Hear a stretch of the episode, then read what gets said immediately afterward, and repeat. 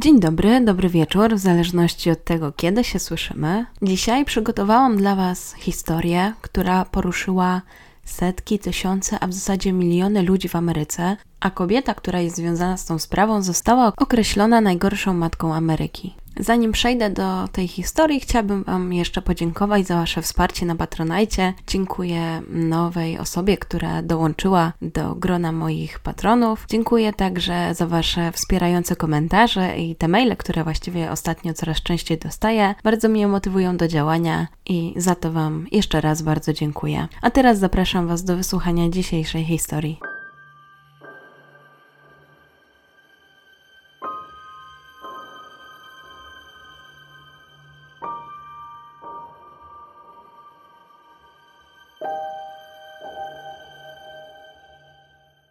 Trzyletnia Kaylee Anthony mieszkała ze swoją mamą oraz dziadkami George'em i Cindy. Był to dosyć niewielki dom na przemieściach Orlando na Florydzie. Latem 16 czerwca 2008 roku 25-letnia wtedy Casey opuściła dom rodziców razem ze swoją córeczką. Prawdopodobnie z tego, co udało gdzieś mi się tam wyczytać w materiałach, podczas tego spotkania doszło do kłótni między mamą Casey, czyli babcią Kaylee, a właśnie Casey. Między innymi o to, że Casey nie nadaje się do bycia mamą. Casey bardzo się uniosła i postanowiła opuścić dom rodziców. W międzyczasie dziadkowie cały czas próbowali utrzymywać kontakt telefoniczny z wnuczką, ale za każdym razem jej mama mówiła, że a to gdzieś wyszła z opiekunką, a to jest jej aktualnym chłopakiem. Nie było ani możliwości spotkania się, ani porozmawiania z małą Kaylee, więc dziadkowie odpuszczali i próbowali ponownie się skontaktować, ale sytuacja ciągle się powtarzała. Trochę byli zaniepokojeni, nie za bardzo wiedzieli, co się dzieje z ich wnuczką, a była dosyć dla nich ważna. Mam też takie poczucie, że oni bardziej się nią zajmowali niż sama Casey, ale do tego jeszcze dojdziemy. Jednak w międzyczasie, gdy Casey pozostawała z małym Kaylee poza ich domem, do rodziców kobiety przyszedł list, a dokładnie do jej taty George'a. 13 lipca dostał on wiadomość z posterunku o tym, że zlokalizowano samochód jego córki i że jest prośba, aby go odebrać z parkingu policyjnego. George nie zastanawiał się zbyt długo, po prostu pojechał tam odebrać ten samochód, zobaczyć o co w ogóle chodzi, dlaczego ten samochód tam jest. I gdy pojawił się na miejscu, aby odebrać samochód, bardzo zastanowił go, a nawet przeraził zapach, który poczuł z tego samochodu. Według niego zapach ten kojarzył mu się z po prostu zapachem śmierci. Więc jak najszybciej poprosił funkcjonariuszy, czy mogliby zweryfikować, czy przypadkiem w tym samochodzie nie ma jakichś zwłok, albo czy coś tam nie leży podejrzanego, co wydziela właśnie takie zapachy. Też myślę, że George gdzieś tam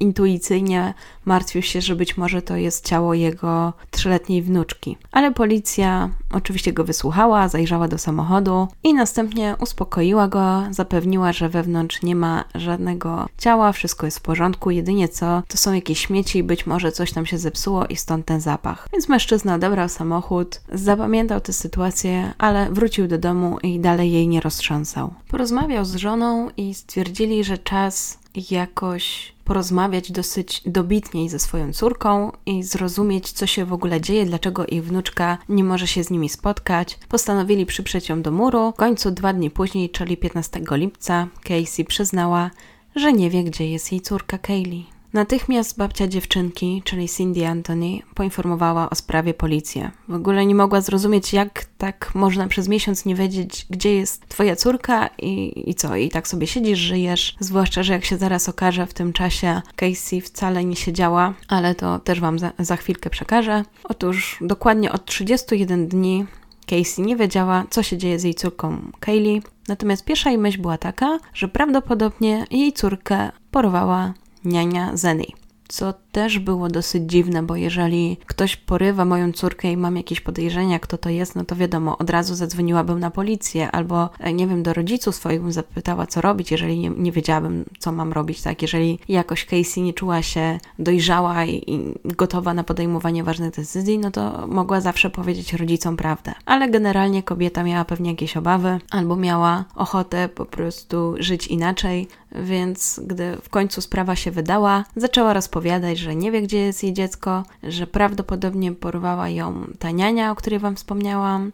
Okazało się, że całe jej imię, bo Zany to był taki skrót, to jest Zanaida Fernandez Gonzalez, która według Casey od tego miesiąca opiekowała, miała się opiekować Kaylee. Policja po wysłuchaniu całej tej historii i zweryfikowaniu, że prawdopodobnie kobieta o takich personaliach w życiu nie pracowała dla Casey, nie była niczyją opiekunką, zdecydowali się jak najszybciej zatrzymać Casey i wtedy zarzucono jej składanie fałszywych zeznań, utrudnianie działań wymiaru sprawiedliwości i zaniedbanie dziecka. W trakcie kolejnych zeznań wyszły na jaw bardzo niepokojące rzeczy. Mianowicie przez ten cały czas, oprócz tego, że Casey mówiła, iż jej córka jest zajęta, w sensie jest z kimś innym, to też Casey powoływała się na to, że bardzo ciężko pracuje.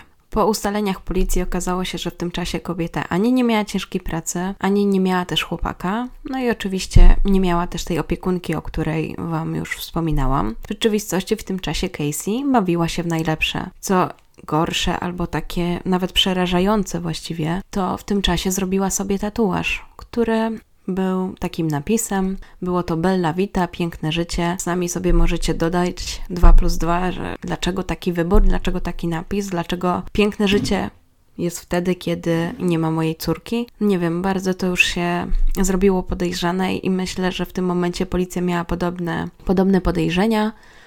Właściwie nie tylko policja, dosyć szybko też ta sprawa przedostała się do mediów, a zatem bardzo szybko wszyscy zaczęli podejrzewać, że to Casey zabiła własną córkę. Co gorsze, podczas tego śledztwa Casey wielokrotnie oszukiwała policję. Podawała różne wersje dotyczące miejsca pobytu jej córki, zmieniała te wersje, właśnie gubiła się w zeznaniach, nie do końca potrafiła powiedzieć, co ona robiła przez miesiąc, nie potrafiła wytłumaczyć, dlaczego do nikogo nie zadzwoniła, nie miała żadnych właściwie rozsądnych argumentów, co kierowało jej postępowaniem. Policja liczyła, że uda im się wydobyć zeznanie kobiety, co się stało z jej córką, gdzie ona jest, czy żyje, czy niestety nie ma jej wśród żywych. Natomiast Casey cały czas mówiła, że ona nie wie, że została porwana i nie ma pojęcia, gdzie jest jej córka, ale że wierzy, że ona wróci. W czasie, gdy policja nie do końca radziła sobie z przesłuchiwaniem Casey, rodzice kobiety postanowili wynająć prywatnego detektywa, aby znalazł ich wnuczkę.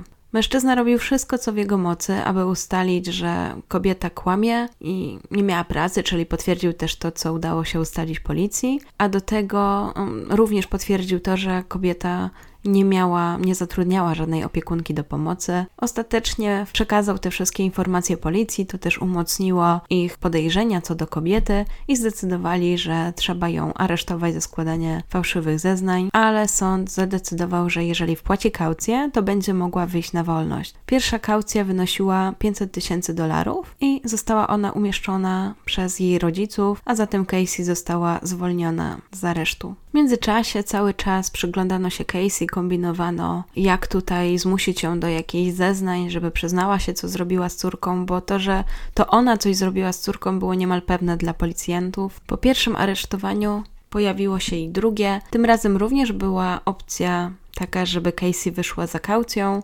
Jej rodzice nie zdecydowali się na ten krok, dlatego że sami zaczęli już podejrzewać, że Casey coś zrobiła z własną córką. Drugą kaucję zapłacił więc łowca głów. Ogólnie jest to taki specyficzny amerykański rodzaj prywatnego detektywa, który poluje na przestępców dla nagrody. Tym łowcą głów był Leonard Padil, który liczył, że jeżeli zapłaci za uwolnienie Casey, to ona pomoże w śledztwie i doprowadzi wszystkich do śladu swojej córki. Niestety kobieta nie pomogła. Co więcej, z dnia na dzień pojawiało się coraz więcej wątpliwości. 11 grudnia 2008 roku mężczyzna, który zajmował się odczytywaniem liczników, Roy Krong, znalazł plastikową torbę, generalnie jakąś, jakiś plastikowy worek. Zajrzał do środka, zorientował się, że ma do czynienia z ludzkimi szczątkami jak najszybciej zadzwonił na policję, aby przyjechała te okolice, a dokładniej była to zalesiona okolica w pobliżu domu Antońsów. Policja po przyjechaniu na miejsce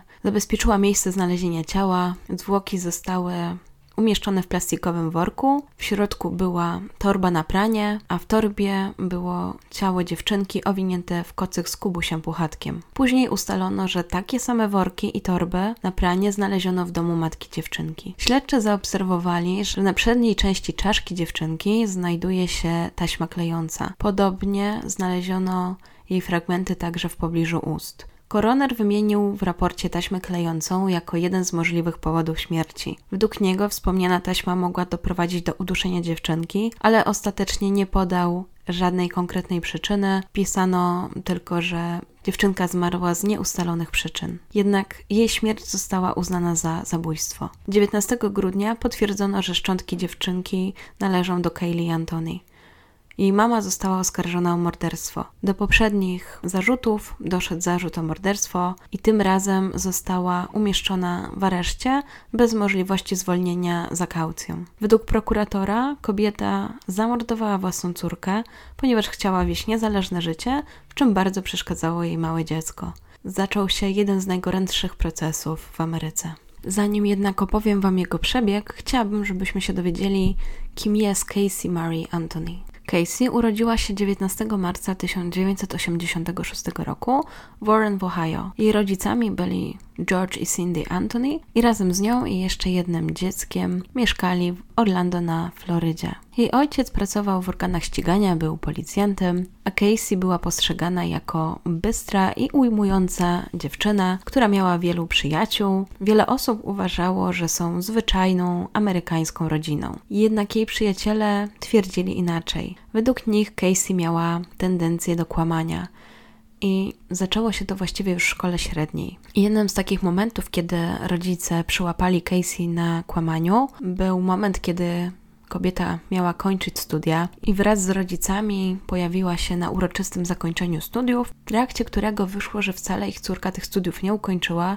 i że tak naprawdę brakowało jej jakichś tam punktów, nie wiem, czy z egzaminów, czy chodzi o jakąś inną punktację. W każdym razie wyszło, że Casey przestała chodzić na zajęcia już pod koniec roku szkolnego, ale cały czas wmawiała rodzicom, że regularnie chodzi na zajęcia, że wszystko ma zaliczone i jest wzorową studentką. Kolejnym takim kłamstwem, na którym przyłapano Casey, była jej ciąża. W pewnym momencie dziewczyna zaczęła dosyć szybko tyć. Jej rodzice zaczęli podejrzewać, że być może jest w ciąży i zapytali się jej otwarcie, czy ty jesteś w ciąży, czy o co chodzi, dlaczego tak zwiększa ci się szybko masa ciała. Na co Casey zaprzeczyła, twierdząc, że ona jest stuprocentową dziewicą i absolutnie w żadnej ciąży nie jest. Nigdy nie uprawiała seksu i jak w ogóle rodzice śmiało ją o to podejrzewać. Jak się domyślacie, kilka miesięcy później kobieta urodziła małą Kaylee. Wiele osób zastanawiało się też, kto jest ojcem dziecka. Początkowo Casey nie chciała zdradzić za bardzo, kto może być ojcem dziecka. W ogóle w tym czasie miała narzeczonego, był to Jesse Grant, i jego jako pierwszego podała, że być może jest ojcem dziecka. Jednak przy kolejnych okazjach podawała już zupełnie innych mężczyzn. Był wśród nich też młody mężczyzna, z którym umawiała się wcześniej i który zginął w wypadku samochodowym. W każdym razie 9 sierpnia 2005 roku urodziła się Kaylee Anthony i nie miała określonego ojca. Według przyjaciela Casey, kobieta powiedziała mu w zaufaniu, że zastanawiała się, aby oddać Kaylee do adopcji, jednak mama ją zdecydowanie do tego zniechęciła. Obiecała wsparcie i w związku z czym kobieta nie zdecydowała się, aby ją oddać. W efekcie przez następne lata mieszkały razem Cindy i George'em, którzy bardzo wspierali Casey w wychowywaniu małej Kaylee. Co ciekawe, w tym czasie jej ówczesny narzeczony, czyli Jesse Grant, o którym Wam już wspominałam, uznał, że on może być tym ojcem dziecka, że on się zaopiekuje nimi. Nawet gdzieś tam chciał uwierzyć, że to jest jego dziecko, chociaż według wyliczeń nie było szans, żeby Kaylee była jego. Natomiast w późniejszym czasie testy DNA wykazały, że Grant nie był ojcem Kaylee, a tożsamość jej ojca pozostała nieznana do dzisiaj. Z tego opisu klaruje się obraz takiej kobiety, która mam wrażenie jest trochę manipulantką, egoistką, może żyje we własnym świecie. Mam też wrażenie, że rodzice gdzieś tam za nią wszędzie sprzątali, że nie ponosiła zbytnio konsekwencji, że jeżeli zaszła w ciążę, to właściwie dla niej nie było w związku z tym żadnych konsekwencji, bo przecież rodzice się nią zajmą. A jak mama jej zasugerowała, że się nie nadaje do opieki, no to co? Pani się uniosła, wzięła dziecko i uciekła. Jak bardzo dojrzała osoba, po czym zgubiła dziecko, bo według niej no nie wie, gdzie jest dziecko i nie zgłaszała tego przez miesiąc. No nie wiem, dla mnie na pewno nie jest to obraz Matki Roku i domyślam się skąd padł jej ten tytuł Najgorsza Matka Ameryki. Ten proces, który teraz Wam opiszę, to był w zasadzie dosyć trudnym procesem i nie tylko dlatego, że każdy naciskał na kobietę, żeby powiedziała, co się stało, dlaczego mała Kaylee zginęła, ale też dlatego, że cała Ameryka śledziła tę sprawę, patrzyła na ręce wszystkim. Proces był jawny, więc też na sali mogli być obecni reporterzy. No, ciężko było w takich warunkach poprowadzić dobry proces. Podczas niego przedstawiono setki dowodów. Były to m.in. worki, które znaleziono w domu Casey i te, które były właśnie identyczne z tym, których znaleziono szczątki dziecka. Eksperci ujawnili także, że kobieta wyszukiwała w internecie podejrzane słowa. Według nich tymi słowami były chloroform, uraz szyi i łopata. Co więcej, w bagażniku kobiety odkryto także ślady chloroformu i substancje chemiczne, które pojawiają się podczas rozkładu zwłok. Próbki powietrza z tego samochodu wskazały także na to, że prawdopodobnie znajdowało się tam wcześniej rozkładające ciało. Udało się także znaleźć włos należący do małej Kaylee, a eksperci medycyny sądowej stwierdzili, że wokół cebulki włosa jest ciemna obwódka, która tworzy się tylko po śmierci. A zatem wydawało się, że prokuratora ma naprawdę mocne dowody. W efekcie kobiecie groziła nawet kara śmierci. Miliony osób na całym świecie, już nie tylko w Ameryce, śledziło tę sprawę i zastanawiali się, czy ta kobieta naprawdę jest aż tak złą matką i czy to możliwe, żeby zabiła własne dziecko. Ludzie nie czekali też na zapadnięcie wyroku, właściwie sami go wydali, twierdząc, że za to, co zrobiła, już uznali właściwie, że to ona jest tą morderczynią, to powinna zostać stracona. Z kolei obrońcy kobiety starali się ją przedstawić jako ofiarę. Casey podczas jednej z rozpraw zeznała, że wraz ze swoim ojcem upozorowała morderstwo, że w rzeczywistości to jej córka utopiła się na basenie na ich posesji, a jej tata z racji tego, że miał powiązania z policją, to pomógł jej w zacieraniu śladów. Następnie kobieta zaczęła się zwierzać z tego, że w dzieciństwie była molestowana przez ojca, co podejrzewam miało pokazać, że pochodzi z jakiejś patologicznej rodziny. Sprawa zaczęła przybierać coraz dziwniejszą formę, gdy nagle Cindy, czyli mama Casey, przyznała, że te hasła wyszukiwane w internecie to były wyszukiwane przez nią i że zrobiła to dla swojej koleżanki, która miała jakiś wypadek i potrzebowała się o tym dowiedzieć. Kobieta zapytana o to, dlaczego w takim razie nie zgłosiła zaginięcia swojej córki, powiedziała, że bała się przyznać, do tego, co się wydarzyło, bała się powiedzieć całą prawdę. Powoływała się też na to, że ma jakieś problemy psychiczne i w związku z tym po zaginięciu małej Kaylee imprezowała, bo inaczej nie umiała sobie poradzić z tymi emocjami, że to było jej odreagowanie. Rodzice chyba nie mogli słuchać za bardzo tego, co kobieta mówi, zwłaszcza jej ojciec. I on był jedną z osób, która zeznawała przeciwko Casey. I na pewno też to miało znaczenie. Właściwie wydawało się, że sprawa jest już przesądzona, że na ławie oskarżonych siedzi kobieta odpowiedzialna za zabójstwo małej dziewczynki, ale nagle proces zaczął się sypać, bo wszystkie dowody przeciwko młodej matce przestały być mocne. Podobno śledczy w trakcie ich zbierania popełnili szereg błędów, nie zachowali zasad zgodnych z procedurami, źle przeprowadzono także sekcję zwłok. Mimo wszystko prokurator nie poddawał się i oskarżał Casey Anthony o zabicie córki przez uduszenie, a następnie ukrycie jej ciała w lesie. Według niego kobieta, zanim ukryła szczątki swojego dziecka, woziła je przez kilka dni w samochodzie. I to jest moment, który jest bardzo zadziwiający, bo wyobraźcie sobie, że jesteście w sądzie, słyszycie o śmierci własnego dziecka i jeszcze jesteście oskarżeni o to zabójstwo. I co robicie?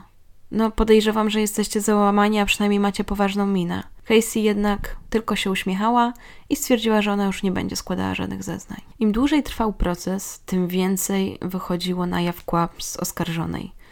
Okazało się, że przez lata opowiadała swoim rodzicom, że pracuje w parku rozrywki Universal Studios i że musiała tam często wyjeżdżać służbowo, między innymi na północ do Tampy. I ta bajeczka sprawiła, że uśpiła czujność matki Casey i dlatego tak nie kwestionowała tego, że kobieta jest zapracowana i nie może się zobaczyć z wnuczką. Jednak policji udało się ustalić, że Casey zwolniono z parku kilka lat wcześniej. I śledczy też znaleźli sporo świadków, którzy widzieli, że Casey naprawdę dużo imprezowała. I to właśnie w tym czasie, gdy miała wyjeżdżać służbowo do Tampy i za każdym razem właśnie była w okolicach Orlando, w jakimś klubie i świetnie się bawiła. Pomimo tego, że wyszło naprawdę wiele kłamstw kobiety, że wszystkie dowody wskazywały na to, że mamy do czynienia z morderczynią, ława przysięgłych nie była pewna. W lipcu tego roku kobieta została uznana za niewinną. Wynikało to głównie z tego, że obronie udało się zasiać wątpliwość wobec dowodów oskarżenia. A jeżeli ława przysięgłych nie miała stuprocentowej pewności, to nie chcieli skazywać kobiety na karę śmierci. Została jedynie skazana za składanie fałszywych zeznań, dostała za to rok więzienia i 4000 dolarów grzywny. Jednocześnie jej wcześniejszy areszt został już zaliczony w poczet kary. 17 lipca 2011 roku Casey wyszła na wolność. Jak się domyślacie, opinia publiczna była zbulwersowana. W każdym tabloidzie pojawiało się hasło morderczyni. Jej proces, a następnie wyrok wzbudzał ogromne emocje, a wzmianki o nowych tropach w śledztwie albo tego, co się dzieje na sali sądowej, były newsem każdego dnia. Każdego wieczoru historia śmierci małej Kaylee przyciągała przed telewizory miliony widzów. Programy informacyjne relacjonowały niemal każdy zwrot w tej sprawie.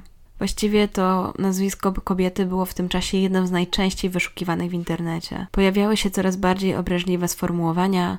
Tak jak Wam wspominałam, najczęściej było to to, że jest najgorszą matką Ameryki, no, domyślacie się, atmosfera była taka, że po prostu każdy jej nienawidził. Zwłaszcza odkąd się dowiedzieli, że kobieta imprezowała w klubach nocnych i zrobiła ten tatuaż, o którym wam już mówiłam. Pomimo, że sąd uznał, że kobieta jest niewinna, to w oczach opinii była winna i to jak.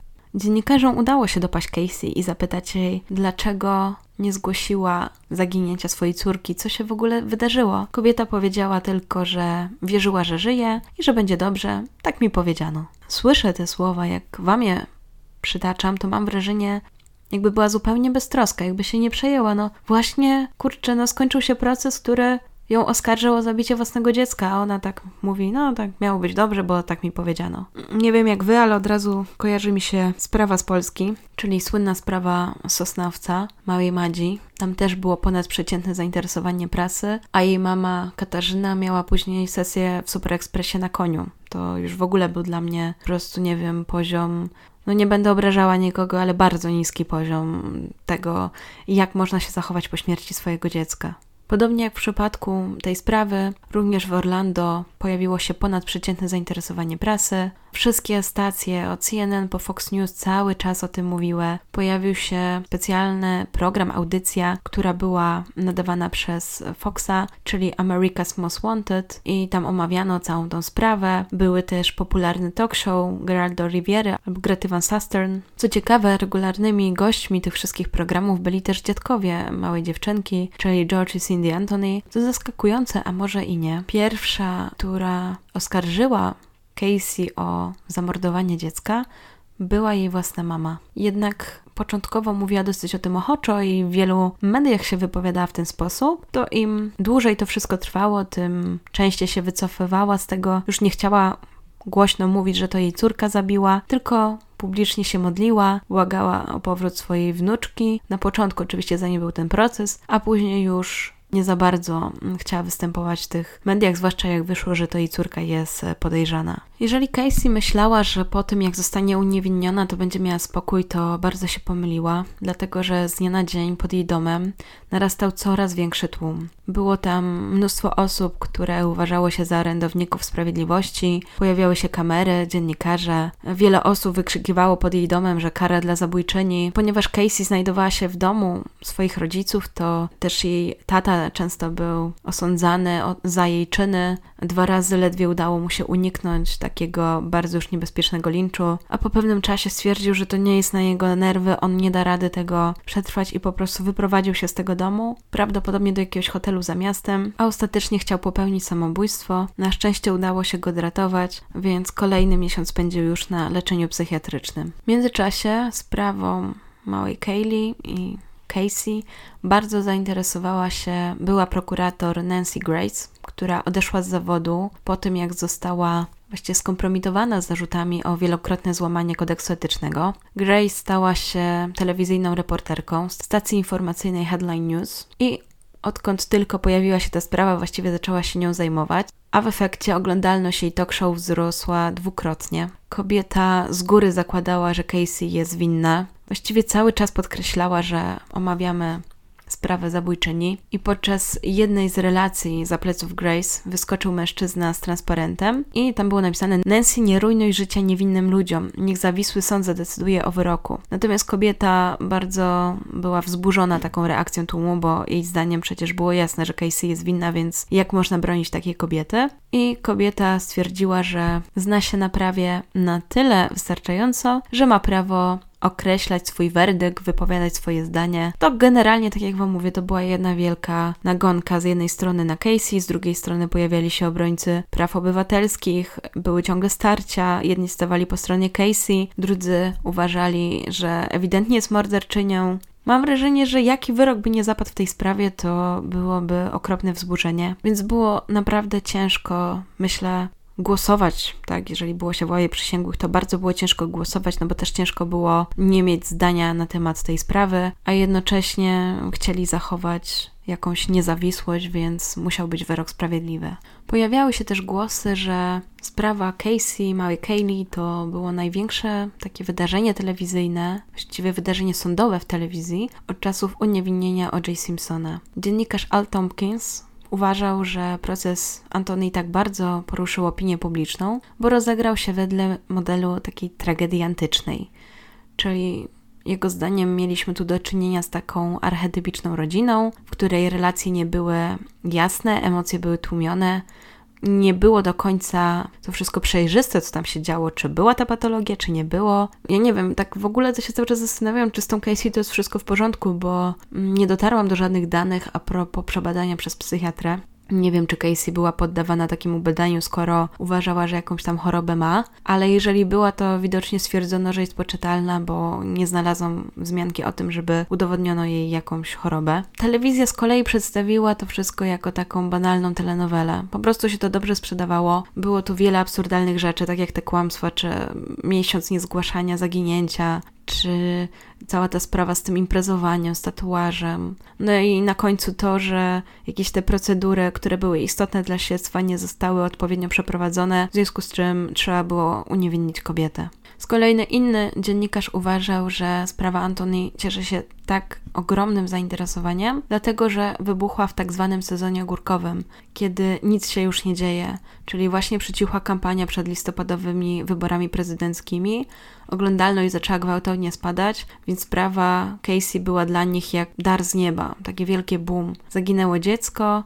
jest o czym mówić, jest jakaś absurdalna sytuacja, nie wiadomo co się stało, podejrzana jest e, matka tego dziecka.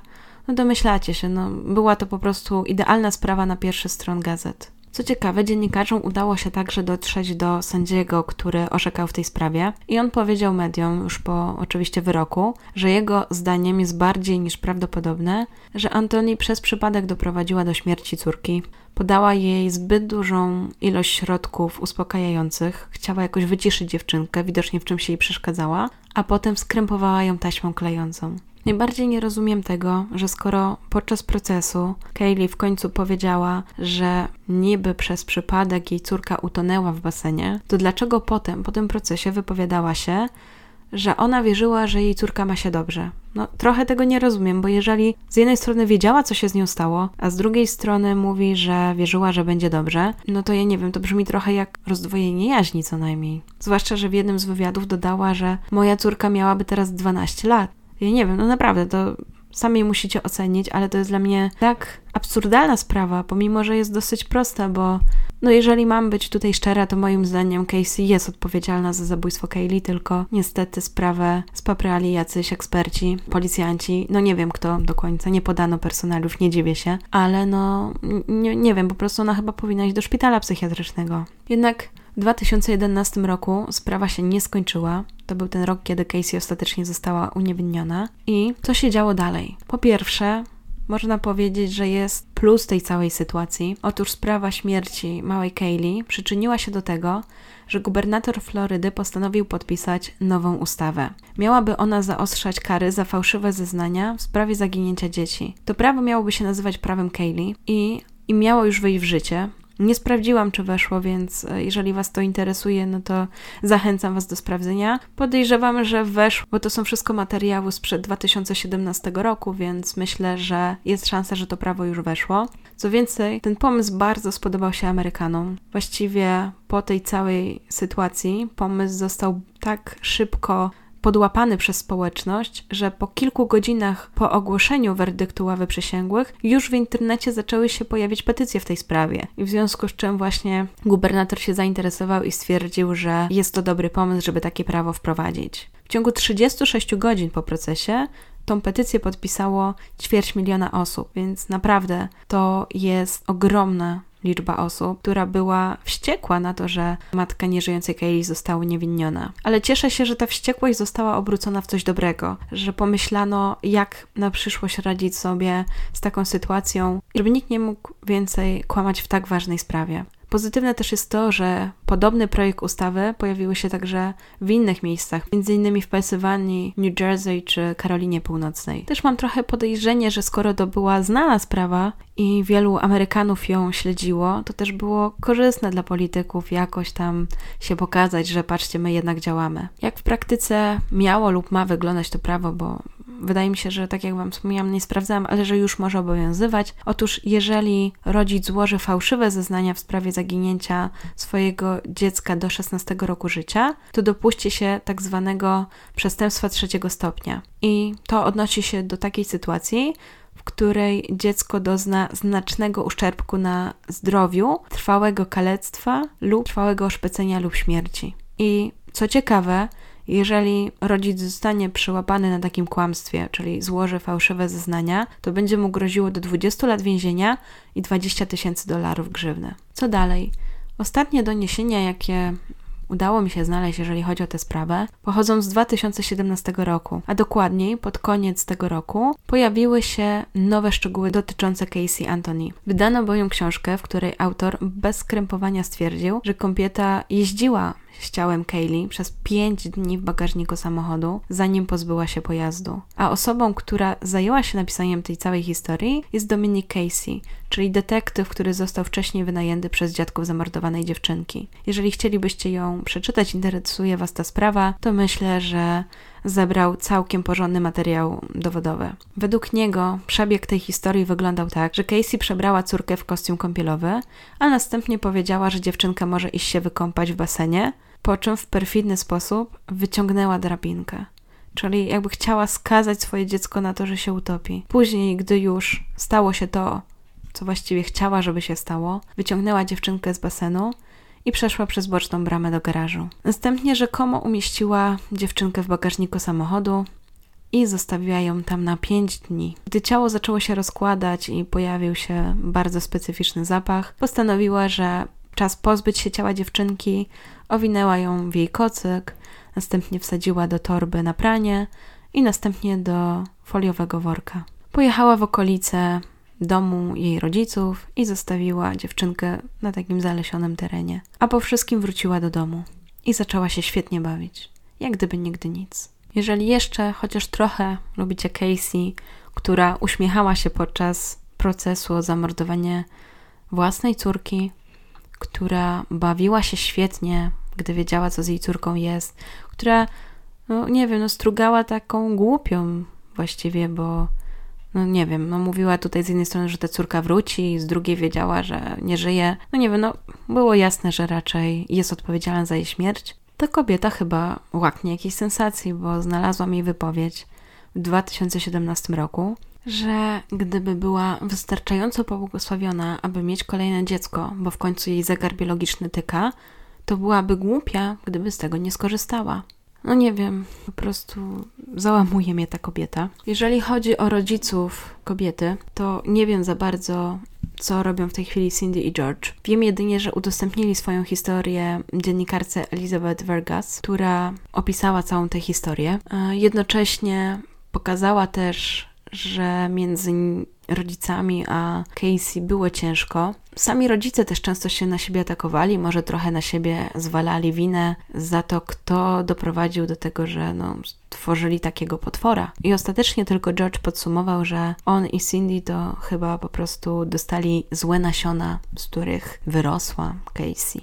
Nie wiem też, co obecnie dzieje się z kobietą, ale w każdym razie co jakiś czas udziela się dziennikarzom i wydaje się, jakby w ogóle nie miała żadnego poczucia winy i jakby uważała, że wszystko jest w porządku. Nie ukrywa się w każdym razie, bo najświeższe wiadomości o tym, że tyka jej zegar biologiczny znalazłam także w 2019 roku, 27 sierpnia. Oczywiście są to serwisy plotkarskie, ale z drugiej strony to normalny chciałby z nią rozmawiać, mam takie wrażenie. No dobra, trochę osądu w tej mojej głowie, tutaj w tych moich słowach, ale ta sprawa gdzieś mnie dotknęła, dlatego że nie mogę sobie wyobrazić, jak można podczas zaginięcia swojej córki być tak spokojną, tak zrelaksowaną, uśmiechać się, a gdy wyszło na jaw, że prawdopodobnie zabiła swoją córkę, to nic się nie zmieniło. Dalej beztroska, mała Casey. Takie mam poczucie. To już wszystkie informacje, jakie udało mi się znaleźć na temat tej sprawy. Jestem ciekawa, jakie wy macie zdanie o tej kobiecie. Oczywiście nie chodzi mi o to, żebyśmy teraz w komentarzach zrobili jakiś lincz na nią, ale jestem ciekawa, co uważacie, czy